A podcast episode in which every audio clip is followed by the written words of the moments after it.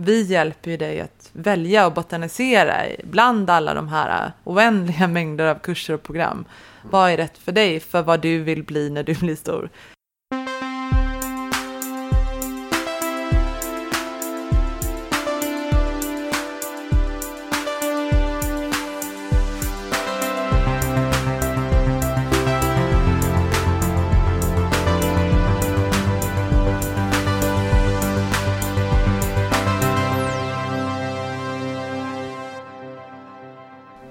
Det här är Heja Framtiden. Eh, vi är i skärgården igen.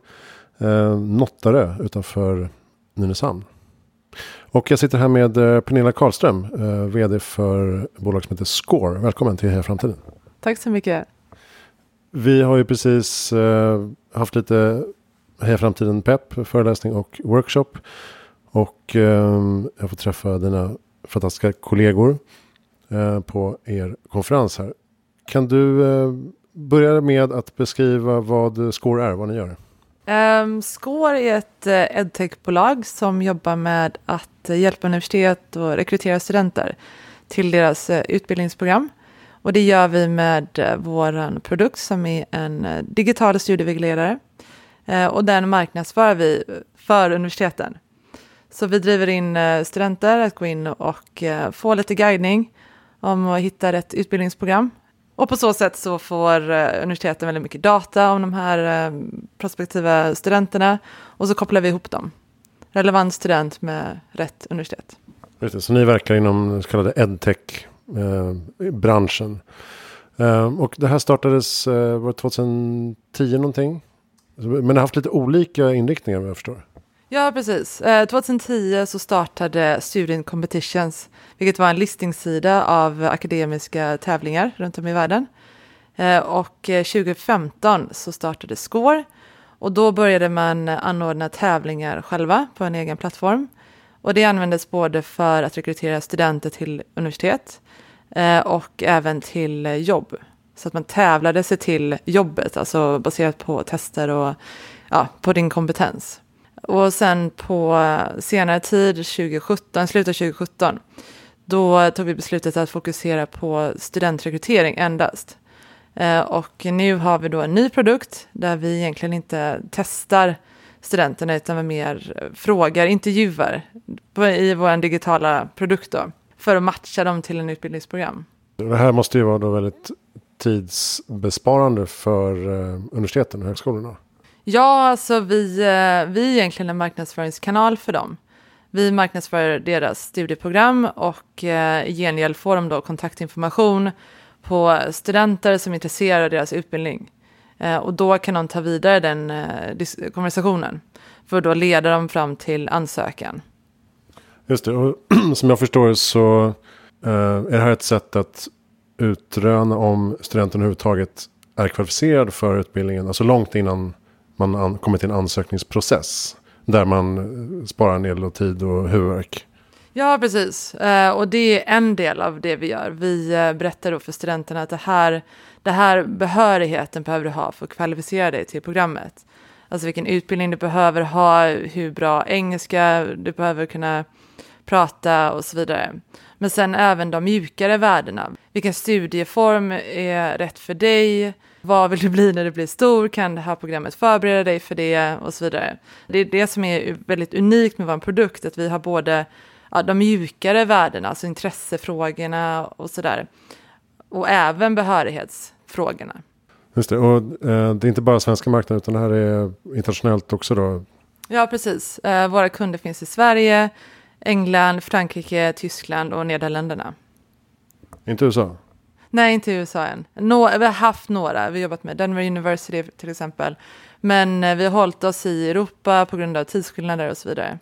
Som jag förstår det så universiteten får inte liksom kvotera in studenter hur som helst. Så. Men, men däremot kan ni selektera i marknadsföring vilka de vill vända sig mot. Kan man säga så? Ja, absolut kan man säga. Eh, universiteten har ju önskemål vilka marknader de vill rikta sig mot. Absolut, det är ju allting från Indien, Afrika, Europa eh, och samtidigt så vet ju vi, vi har ju kunskap om marknaden, vilka eh, länder som tenderar till att attrahera studenter från andra länder. Så då eh, vet vi och kan liksom serva som konsultativ tjänst till universiteten att ni bör ju rikta er till den här marknaden för att ni, ja, ni, ni är i Tyskland och många studenter kommer till exempel från Turkiet till Tyskland. Det vet vi. Vi pratar ju lite om utbildning och så idag och fram, framtidens utbildning. Har de traditionella utbildningsinstitutionerna, liksom, hänger de med i den nya utvecklingen eller uh, kämpar de för att behålla sin relevans? Ja, alltså den utvecklingen som vi ser nu är ju framförallt onlineutbildningar och kortare utbildningar. Eh, och där, där finns det ju väldigt många aktörer som kommer in och bara erbjuder onlineutbildningar och gör det på ett mer ja, modernt sätt om man säger så. Traditionella utbildningsinstitutioner de har ju utmaningar med att fylla sina klassrum, alltså fylla sina fysiska platser helt enkelt. Eh, och eh, har såklart en historia i hur deras program ska vara utformade. Och det finns väldigt mycket traditionella intressen att bevara det. Och det, det behöver man ju luckra upp och det är inte alltid man är beredd att göra det. Och dessutom så jobbar man ju oftast inte så ska säga, affärsdrivet som många andra privata aktörer gör. Utan man, eh, ja, man har andra arbetsprocesser, vilket inte alltid är lika snabbfotat och sådär. Men de har ändå hittat eh, till er tjänst? Ja, många gör ju det. Ehm, och då sättet vi arbetar med någon, ett traditionellt eh, statligt eh, universitet är ju väldigt annorlunda mot hur vi jobbar med ett, eh, en privat aktör. Vad som driver dem, hur de ser på marknadsföringen. På vilket sätt är det annorlunda? Ja, alltså en privat aktör tittar ju gärna på return on investment. De marknadsför och sen så räknar de hem det här och behöver veta hur många studenter kom från vardera kanal. Medan en eh, publik eh, aktör, de, eh, de har ju inte sådana krav på sig direkt. Eller har traditionellt sett inte haft det. Så de, de är inte lika långt fram i den utvecklingen. Att jobba så datadrivet och resultatdrivet i sina marknadsföringsaktiviteter. Ja, Vi pratade lite idag om, om eh, framtida möjliga kombinationsutbildningar och livslångt lärande och vad man kan addera för kompetens till sin utbildning till exempel. Vad ser du där i framtiden? Dels från vad ni, hur ni följer era kunder och dels vad du tror kommer framöver. Vad behöver vi liksom, vad skulle vi kunna främja mer?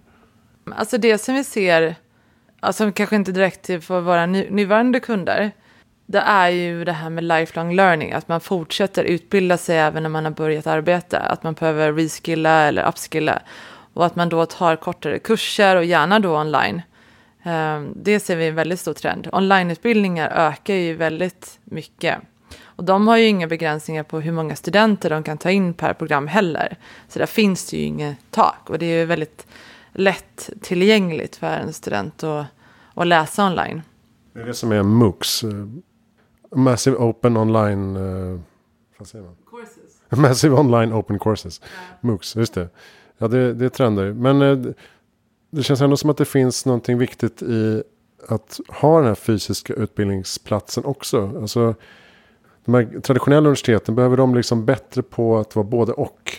Ja, alltså vi ser mycket blended learning också, att du kan läsa lite på campus och, och lite online och att du väljer lite själv hur du vill lägga upp din utbildning. Och det fysiska är ju väldigt viktigt för dem, för bachelorstudenter, alltså gymnasieelever som ska gå in och börja studera.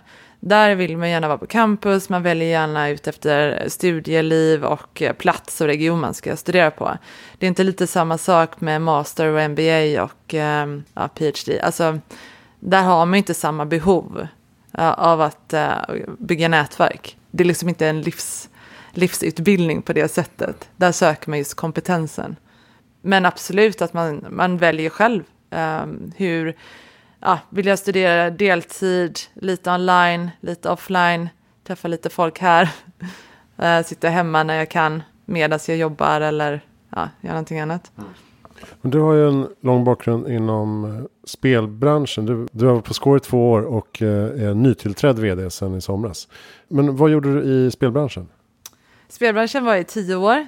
Då jobbade jag med marknadsföring, CRM, produktutveckling och ja, affärsområdeschef. Så då hade jag alla delar under ett tag. Just det, du har varit både på kasinobolag och betting och eh, Postkodlotteriet. Ja, precis. Eh, vad, vad, tar du med dig därifrån då? När man, man pratar mycket om gamification och nudging och sådär. Att få folk att hålla, kvar, hålla sig kvar på plattformen och eh, agera enligt önskemål så att säga. Finns det element där som du eh, är bra på och kan föra in i utbildningssammanhanget?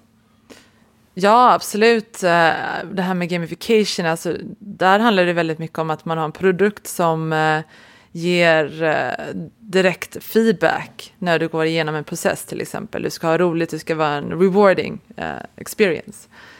Framförallt, det är väl det som är gemensamt om man jämför spel med vad vi gör. Du ska, det ska vara en givande upplevelse när du använder produkten. Och då får man ju titta på hur beter sig användaren. När tröttnar de? När behöver de en lite mer push? När behöver de feedback? Hur ska den feedbacken se ut? Och i, i sammanhanget, vad är det som är viktigt när man, hur man visar feedback? Till exempel för oss, då är det ju viktigt att man fortfarande är väldigt legitim. Det är fortfarande utbildningsprogram vi pratar om, det är inte en kasinoslott.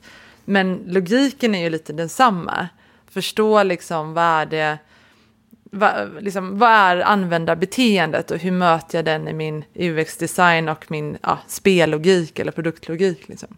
Och eh, Score idag är ju ett väldigt eh, mångkulturellt bolag kan man säga. Eh, ni jobbar mycket med, eller jobbar mycket med mångfald, ni bara, det är mångfald helt enkelt. Eh, vad ser du för styrkor i det? Det är en oerhörd styrka att ha så många nationaliteter under samma tak. Man får ju perspektiv på, på saker på ett annat sätt än vi bara var från ett och samma land, alltså i Sverige då. Eh, och särskilt för oss är det viktigt i och med att vi jobbar med internationella studenter och just förstå att beteende och kultur och värderingar skiljer sig väldigt mycket åt om man jämför om olika delar i Indien eller Indien jämfört med Tyskland eller Norge det är mediebeteendet och även liksom hur man väljer utbildning. Ranking är till exempel oerhört viktigt när man pratar med en indisk student. De väljer universitet baserat på det. Men det är inte lika viktigt när man pratar med studenter i Europa. Där är man mer fokuserad på kursinnehåll och eh, jobbmöjligheter efteråt. Men tuition fee är också alltid viktigt. Eh, och sen hur man väljer, jag menar i många länder står en hel familj bakom studentens val av utbildning. Alla ska tycka till. Medan man är ganska självständig i andra regioner i, i världen.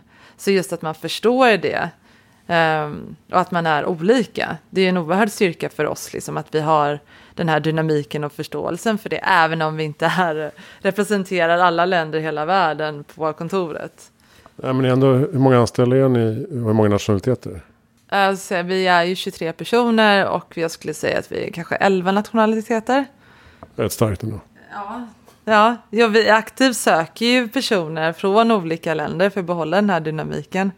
Uh, absolut. Vad kan, man, uh, vad kan man lära av det då? Alltså, dels får du, som du sa, bättre koll på marknader. Får ni även bättre liksom, friktion och diskussioner i att det inte blir så uh, slätstruket också allting. Ja, absolut. Och man är ju lite på tårna. Alltså så här, man ifrågasätter ju alltid lite sina värderingar för den, ofta har någon annan syn, synsätt på det. Så det blir ju att man reflekterar lite mer på dagen än vad man hade gjort om man bara satt med sina svenska kollegor. Mm. Där man har, ser saker på väldigt samma sätt. Det gör man inte när man, även när man sitter och pratar med våra engelska eh, medarbetare eller fransk, fransoser eller amerikaner eller vår korean eller kines, jag vet inte. Det, det blir mer intressanta diskussioner. För man kommer ju med en annan bakgrund och ett annat synsätt på det mesta. Allting från hur en produkt ska fungera till, till förståelse för hur medielandskapet ser ut. För man har en lång erfarenhet från sitt hemland. Vad tror vi om, om framtiden? Kommer, eh, kommer ungdomarna sitta och plugga YouTube-kurser och eh, strunta i universiteten? Eller eh, finns det fortfarande ett stort värde i de gamla institutionerna. Jag tror absolut det finns ett jättestort värde. Jag menar, du, du behöver ju hjälp och guidning. Om du bara ska vara självlärd på YouTube, då, då, kräver det ganska stort driv av dig själv och förståelse på vad är det jag måste veta för att uppnå det här det är ganska bekvämt att läsa ett program där du liksom blir utlovad. Du kommer då efter att du tar studenten ha kompetens inom det här området och vara anställningsbar. Och ett problem som vi har är ju såklart the paradox of choice. Jag menar, du har över 20 000 utbildningsinstitutioner i världen. Och de har ju nog 100 program vardera. Hur ska jag välja? Uh, och där kommer verkligen Score i sin rätt. Liksom. Vi hjälper ju dig att välja och botanisera bland alla de här oändliga mängder av kurser och program. Mm. Vad är rätt för dig, för vad du vill bli när du blir stor? Uh, så jag tror absolut att utbildningsprogram, särskilt när vi är yngre, alltså för en bachelornivå, har inte spelat ut sin rätt. Absolut inte. Sen har vi sett en, en nedgång i antalet utbytesstudenter eller utlandsstudenter eh, tycker jag under de senaste åren. Tror du att det kan vända? Saken med, det, med, med, svenska studenter, vi är ju ganska bortskämda med att våra utbildningar är gratis. Det är ju oftast inte så i andra länder. Inom EU så, så är det klart att det, de här avgifterna är låga eller eh, subventionerade av EU. Eh, men eh, svenskar generellt sett åker inte så mycket utomlands och studerar. Det är i så fall om du åker och gör en MBA eller läser en master. Men på bachelornivå så har det inte varit särskilt eftertraktat. Vi har ju bra utbildningar här i Sverige. Särskilt för hållbarhet som trendar nu väldigt mycket såklart. Så det är många studenter som kommer utifrån eh, för att studera i Sverige. Och man stannar ju gärna i Sverige. Vi har ju väldigt bra kvalitet på våra utbildningar här. Mm. Vad är ditt bästa tips för att göra världen bättre i framtiden? Utbilda dig, kunskap, absolut. Och fortsätt att utbilda dig. Du är inte klar bara för att du tar studenten. Nej, det, det är sant. Um, har du några boktips? Oh, jag läste The Power of Habits i uh, somras. Jättebra. Hur uh, vanor, uh, alltså att förändra vanor i en organisation eller hur, inom en organisation hur det kan förändra på en väldigt stor makronivå jätteintressant. Och hur du själv lätt kan förändra vanor och hur mycket det kan påverka dig i ditt liv. Grymt. Vem tycker att jag ska intervjua i framtiden? Nej men ta Per Lager då. Gamla vdn för Bergs. Så att det var, mm. Per Lager. Bra. Tack snälla Pernilla Karlström eh, för att du kom till Heja Framtiden. Tack själv. Eller för att jag fick vara med er idag. Ja. Fantastiskt kul. Kolla in mer på score.com. Det är alltså S-Q-O-R-E.com. Där kan ni läsa mer om hur ni jobbar. Eh, Hejaframtiden.se. Jag heter Christian von Essen. Tack för att du lyssnar. Ha det gott.